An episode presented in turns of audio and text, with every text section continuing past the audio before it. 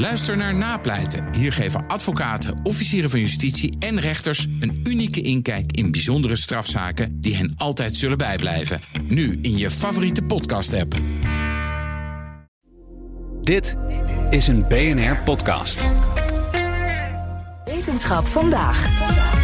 In tegenstelling tot mensen zijn zebravissen ontzettend goed in het laten teruggroeien van beschadigd weefsel.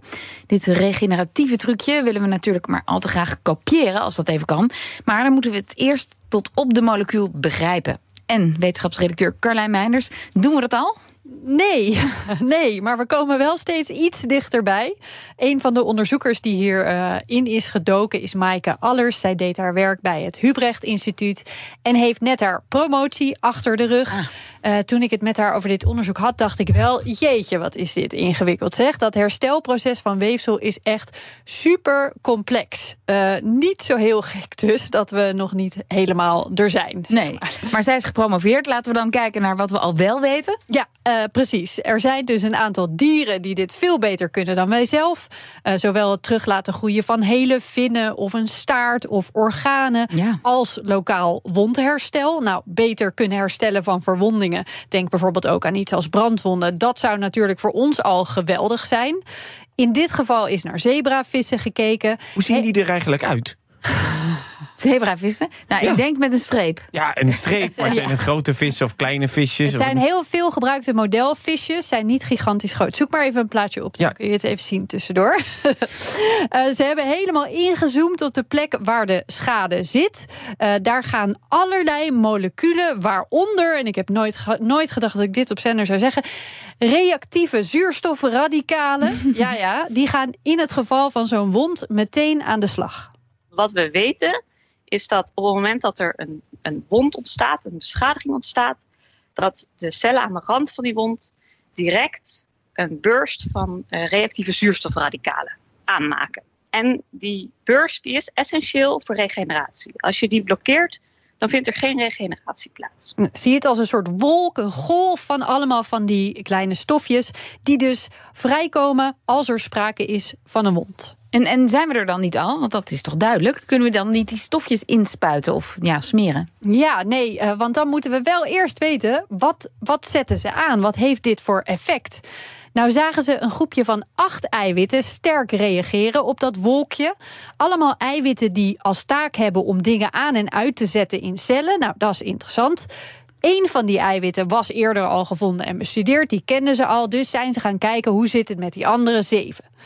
Om daarachter te komen hebben ze met behulp van CRISPR-Cas een aantal mutante vissen gemaakt. Waarin eh, telkens het eiwit waar het over ging niet meer actief was. En toen kwamen we eigenlijk tot onze verrassing erachter dat geen van de mutanten die wij maakten een probleem hadden met regeneratie. Ja, en wat zegt dat dan? Dat uh, op die ene na al die andere eiwitten waarvan ze dachten die moeten een rol spelen bij die regeneratie, helemaal niet essentieel bleken te zijn. Oh, nou, dat valt dan behoorlijk tegen. Ja, je, ja zo zou je het kunnen zien. Maar het vermoeden is uh, dat hier sprake is van compensatie. Dat andere eiwitten het werk van die uitgeschakelde eiwitten overnemen. En dat is ook iets wat we moeten weten als we dat trucje willen gaan kopiëren.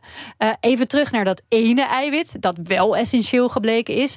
Ship 2A heet het.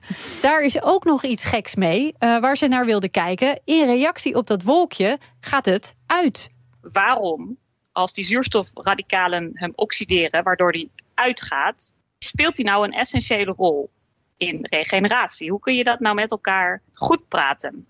Toen hebben wij een manier verzonnen om Ship 2A te beschermen tegen oxidatie. Toen zagen we tot onze verrassing, dat de regeneratie inderdaad sterk verminderd is. Ja, dat klinkt natuurlijk super tegenstrijdig. Iets gaat uit en het proces gaat daardoor hmm. aan. Maar dat is wel wat ze zagen. En houd je het effect van dat wolkje tegen, dan wordt het eiwit niet uitgezet. En juist dat remt het regeneratieproces weer. Dus ook daarmee zijn ze weer een stapje dichter bij het begrijpen van dat proces. Nou, en uh, ik begrijp de vis ook beter. Ik heb hem opgezocht. Ja. Het is een beetje een sardientje blauw-wit gestreept. Alleen in tegenstelling tot de zebra, niet verticaal, maar horizontaal. Dus een beetje zoals het shirt van de graafschap. Als dat een beetje. Een Dan beetje noemen we nu de graafschapvis. Precies, Ja. laten we hem zo noemen. Prima. Maar wat is nu de volgende stap in het onderzoek?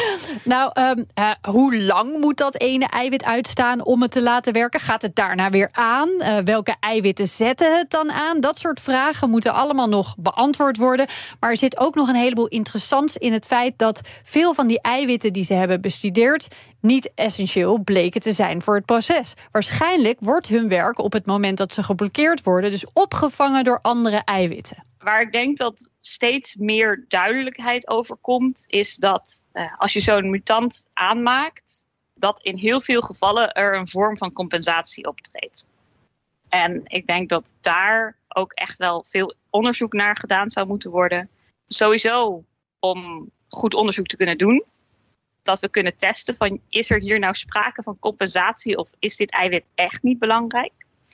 Uh, maar ook omdat we geloven dat die, die compensatie ook echt wel bij mensen af en toe is optreedt. Dat er soms ook echt wel mensen geboren worden met een mutatie in hun DNA. Die eigenlijk ziek zouden moeten worden, maar die daar niet of heel weinig last van hebben. Ja, en ook dan zou er dus sprake kunnen zijn van compenserende eiwitten. Nou, uh, we weten nog zoveel niet ja. als je dit hoort. Maar wat ze sowieso denk ik nog gaan doen is dit onderzoek herhalen in mini-orgaantjes van onszelf in het lab.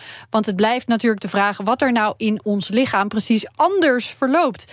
We hebben het antwoord dus nog niet, maar wel weer dat ene stapje dichterbij. En je hebt mij met dit verhaal helemaal teruggebracht naar mijn biologieles op de middelbare ja, school. Echt, hè? En ik herinner me opeens een slogan: hoe lager het bewustzijn, hoe groter het regeneratievermogen. Dus een zeester die krijgt weer een pootje als, als die, die verliest. Geldt dat ook voor reptielen? Want die, die zijn best wel. Uh...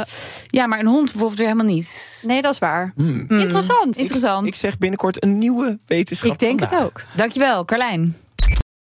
BNR Headlines. De hele dag binnen- en buitenlandse politiek. In Nederland hebben we geen munitiefabrieken. De hele dag economie. Vijf dagen in de week bezorgen, dat kan niet uit. De hele dag technologie. Amerikanen weer op de maan. Heb je eigenlijk geen tijd, maar wil je toch op de hoogte blijven? BNR Headlines. Het laatste nieuws, maar dan in het kort. Ga naar je podcast-app en abonneer je op BNR Headlines.